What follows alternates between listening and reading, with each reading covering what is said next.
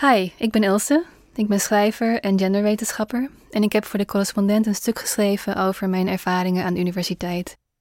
Constante onzekerheid, torenhoge verwachtingen en een tekort aan geld en mensen. De ene na de andere onderzoeker geeft op en verlaat de wetenschap. De universiteit wil het niet horen. Hoe stoppen we de brain drain en maken we de wetenschap weer menselijk? Op de Nederlandse universiteiten is het onrustig. In de media regent het verhalen over docenten die staken en wetenschappers die de universiteit voor de rechter slepen. Medewerkers spreken zich uit en doen verslag van de ongezonde werkcultuur en het machtsmisbruik aan de universiteiten. Promovendi worden geïntimideerd door hun leidinggevende, en wordt gepest en buitengesloten. En onderzoekers met een tijdelijke aanstelling zijn zo bang om hun baan kwijt te raken dat ze niets meer durven te zeggen. Vooral vrouwen, internationals, LHBTQI-personen en mensen met een beperking, staat er in de Groene Amsterdammer, zijn extra kwetsbaar. Het beeld van de wetenschapper, die rustig de hele dag over de boeken zit gebogen en daar goed voor betaald krijgt, klopt dus al lang niet meer. Wat gaat er mis achter de hoge muren van de universiteit? Binnen de muren, bij academici en hun bestuurders, zoals de Vereniging van Universiteiten, UNL, zijn de problemen aan de universiteit bekend.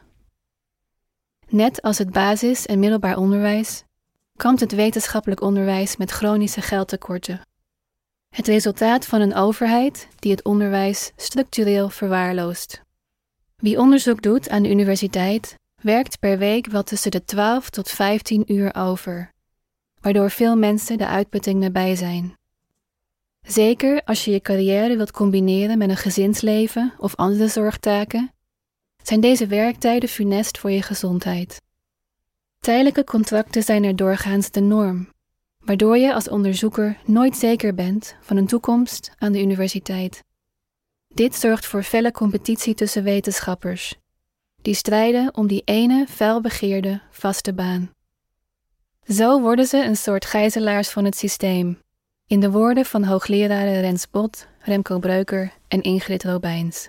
Zij schreven er een activistisch boek over, 40 stellingen over de wetenschap, om het systeem van binnenuit te veranderen. De universiteit is nog steeds een overwegend gesloten en hiërarchisch instituut. De waslijst aan academische ranken is hier een goed voorbeeld van, waar een sterke angstcultuur heerst. Als promovenda of docent met een tijdelijke aanstelling ben je dus niet zo snel geneigd om je uit te spreken over de problemen die je ervaart. Het zou je wel eens je carrière kunnen kosten. En dit is nog maar het topje van de ijsberg. Op dit moment is er weinig menselijks meer aan een academische waan. Het gaat om geld, prestige en macht. En om output en productiviteit, in plaats van kennis en creativiteit. Het huidige neoliberale klimaat aan de universiteit, waarin je als wetenschapper een radertje bent geworden in het rad van de kennisindustrie, maakt je letterlijk ziek. Ik kan het weten. Toen Nederland in december vorig jaar voor de derde keer op slot ging, werd het mij te veel. Ik werkte als docent Gender Studies aan de Universiteit Utrecht en had het beruchte docentencontract. 28 uur per week, geen onderzoekstijd, maximaal vier jaar in dienst, zonder toekomstperspectief. Mijn lichaam schreeuwde stop. Op advies van mijn huisarts meldde ik muziek. Daarmee nam ik een risico, want uitval is doorgaans geen aanbeveling voor een vaste baan.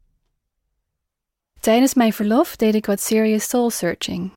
Na 16 jaar ervaring, inclusief twee jaar online lesgeven tijdens de pandemie, vroeg ik me af of een wetenschappelijke carrière nog wel voor mij was weggelegd. Of het als alleenstaande moeder nog wel haalbaar was. En of ik dit, ondanks mijn liefde voor de wetenschap, zelf nog wel wilde. Voor de Nederlandse boekengids, in samenwerking met uitgeverij Het Moed, schreef ik hier een essay over. De titel? Niets persoonlijks. Het was mijn manier om te zeggen dat mijn kritiek op de universiteit niets persoonlijks was. Het ging om het systeem, niet om mijn collega's of mijn leidinggevende. Al zijn het wel degelijk de mensen die het systeem maken en in stand houden. Juist daarom hebben diezelfde mensen ook de sleutel tot verandering in handen. De titel was ook een antwoord op de mantra die de universiteit maar bleef herhalen.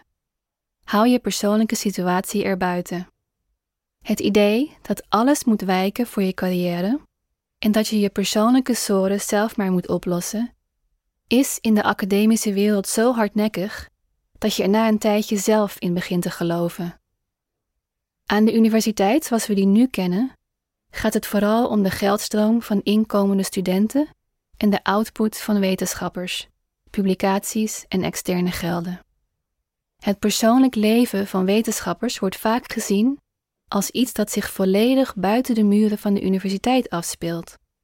Een leven dat, wil je je academische carrière behouden, binnen de muren onzichtbaar moet blijven. Voor mij is dit onmogelijk. Als alleenstaande ouder ben ik genoodzaakt in mijn werk grenzen aan te geven. S'avonds lesgeven gaat vaak niet. Ik kan niet altijd mee naar borrels. De uren waarin ik niet werk voor de universiteit heb ik nodig om mijn salaris aan te vullen. Ik kan het me simpelweg niet veroorloven om onbetaald overwerk te blijven doen. Mijn essay is intussen veel gelezen. Nog steeds krijg ik e-mails van mensen die me vertellen hoeveel het voor ze betekende dat ik me uitsprak. De angstcultuur klonk door in de e-mails. Zeker van mensen die liever niet publiekelijk hun steun wilden betuigen op sociale media, omdat ze bang waren voor de gevolgen voor hun carrière en me dus liever persoonlijk schreven.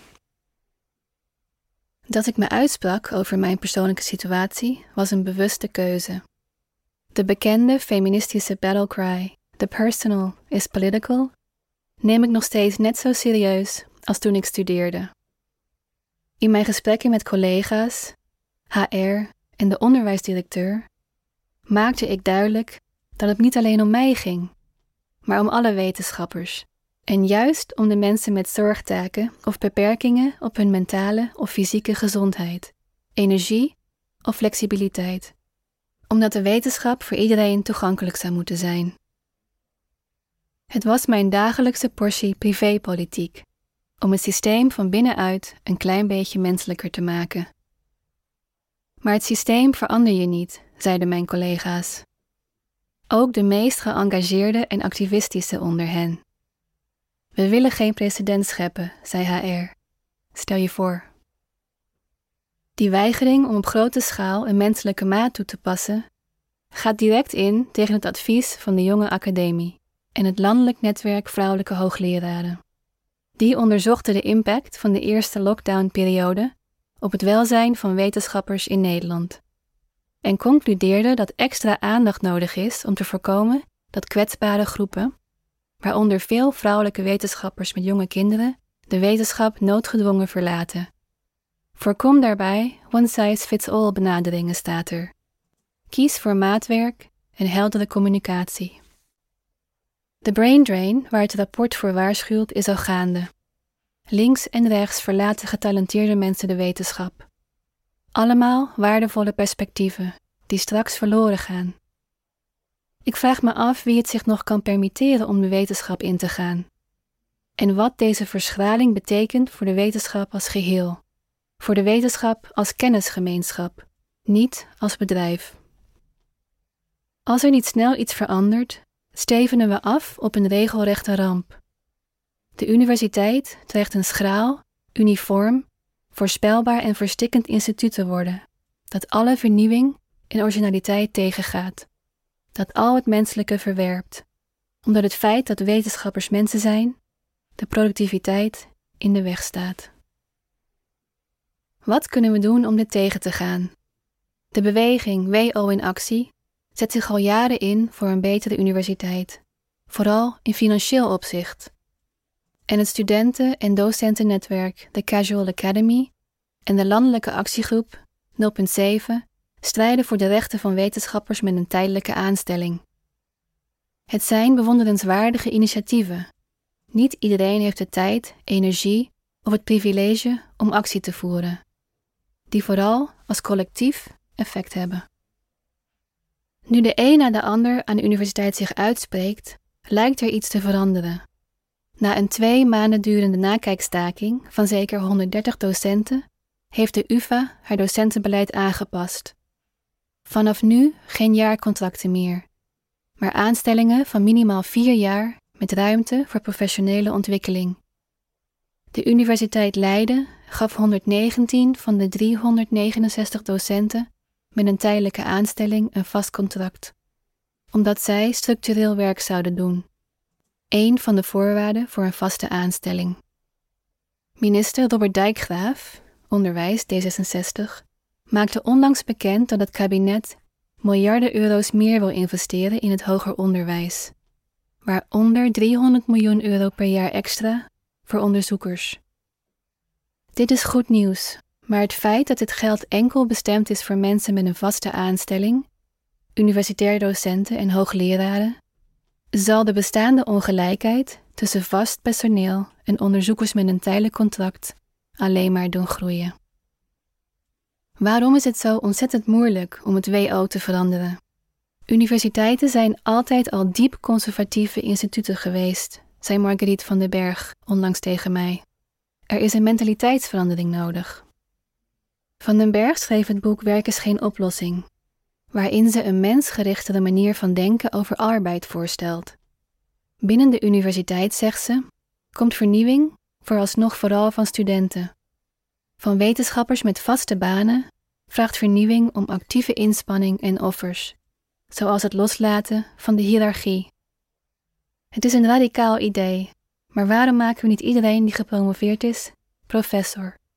Weg met het hele systeem van universitair docent, universitair hoofddocent en hoogleraar. Dat legitimeert zoveel. Ik ben het met haar eens. De academische hiërarchie creëert verregaande afhankelijkheden tussen mensen met gelijke kwaliteiten, die vaak hetzelfde werk doen. Als je leidinggevende bepaalt of jij wel of niet een vaste baan krijgt, ben je vanzelf minder geneigd om kritiek te uiten of van mening te verschillen. De academische denkcultuur leidt hier ook onder. Want hoe vrij ben je als je alleen beloond wordt voor ja-knikken? De hiërarchie op de universiteit veroorzaakt zelfs psychisch leed. Universiteiten minachten hun tijdelijke docenten, schreef Hieke Huistra in een column in Trouw. Dat deze minachting wat doet met je gevoel van eigenwaarde en je zelfvertrouwen, kan ik bevestigen. En dat die tijdelijke docenten worden uitgebuit en geminacht, is geen toeval. Het is beleid. Het lijkt soms alsof het aan individuele wetenschappers is om een manier te vinden om met het systeem om te gaan. Alsof het feit dat het systeem niet deugt een gegeven is en je het daarmee maar moet doen. Docent Marijn Scholte pikte het niet langer en spande een rechtszaak aan tegen de Universiteit Utrecht vanwege slecht werkgeverschap. Volgens de huidige CAO had de universiteit hem zes maanden nadat zijn contract afliep opnieuw mogen aannemen. Scholte functioneerde uitstekend en zijn studenten en collega's waren zeer over hem te spreken. Toch weigerde de universiteit hem opnieuw aan te nemen en gaf zijn baan aan een ander. In plaats van te investeren in haar eigen wetenschappers, neemt de universiteit gewoon weer een jonge, minder ervaren maar zeer toegewijde wetenschapper aan. Met vier jaar later dezelfde ontgoocheling en uitputting als gevolg, omdat het goedkoper is. Ik hoop ten volste dat de rechter Scholte in het gelijk stelt ik bewonder zijn doorzettingsvermogen, maar dat zou niet nodig moeten zijn. Stel je de stress eens voor en de onzekerheid die bij zo'n rechtszaak komt kijken. In een interview met universiteitsplatform Dub, dat zijn strijdvaardigheid prees, zei Scholte: Ik heb niets meer te verliezen. Ik denk aan alle mensen die misschien minder strijdvaardig waren, maar net zozeer de dupe zijn van het systeem, en die de wetenschap in stilte hebben verlaten gedesillusioneerd, verdrietig en uitgeput. Over die mensen hoor je niets meer. We moeten terug of op weg naar een menselijke benadering van wetenschap, waarin de wetenschapper centraal staat, als onderzoeker, docent en mens. Een benadering waarin we niet alleen denken aan productiviteit, zodat al het onzichtbare werk dat we doen, zoals zorg voor collega's en studenten, begeleiding en morele steun, beloond en gezien wordt. Wat we nodig hebben, zegt Tim de Winkel, een van de initiatiefnemers achter 0.7, zijn kleinere universiteiten en bestuurders die zich verantwoordelijk voelen. Dat dit werkt, is al bewezen. Kijk maar naar de Radboud Universiteit in Nijmegen of naar de Universiteit van Maastricht. Daar gaat het stukken beter. Het percentage tijdelijke contracten is daar bijvoorbeeld lager dan bij de grotere universiteiten. Als je je verantwoordelijk voelt, denk ik, ben je minder snel geneigd om de grenzen voor je collega's of je werknemers te overschrijden. Dan handel je minder in het belang van jezelf en meer in dat van het geheel, de vakgroep, het departement of de universiteit. En dat is wat de universiteit zou moeten zijn: een collectief, niet een in en in competitieve plek waar het idee van schaarste wordt gevoed. Dat wil ook zeggen dat mensen met vaste banen het hiërarchisch denken, dat vooralsnog in hun belang werkt, moeten loslaten. Ik zou willen zeggen: sta stil bij je eigen machtspositie. Je baan kan jij niet meer verliezen, dus neem risico's voor het collectief. Staak, spreek je uit. Denk niet langer alleen aan jezelf, maar aan collega's in minder geprivilegeerde posities.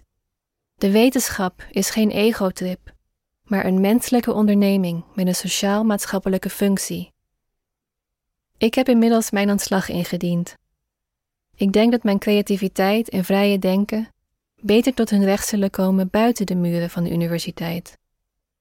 Op mijn essay kreeg ik van de Universiteit Utrecht tot nu toe nog geen reactie. Met dank aan Tim de Winkel en Margriet van den Berg voor het delen van hun inzichten en ideeën. Het is de missie van de correspondent om voorbij de waan van de dag te gaan. Onze correspondenten voorzien het nieuws van context en schrijven over de grote thema's van deze tijd. De correspondent geeft me de vrijheid om mijn nieuwsgierigheid te volgen en de tijd om verhalen te schrijven. En zo probeer ik onzichtbare structuren zichtbaar te maken en een andere kijk te bieden op debatten die het nieuws domineren. Dan gaat het minder over het spelletje en veel meer over wat er op het spel staat. Vanaf dag 1 zijn onze artikelen, boeken en podcasts gefinancierd door onze leden. Volg ons op onze journalistieke zoektocht. Overweeg eens lid te worden van de correspondent. En maak daarmee samen met ruim 70.000 anderen onze onafhankelijke journalistiek mogelijk. Dus word lid van de correspondent. Ja. Word lid. Word lid.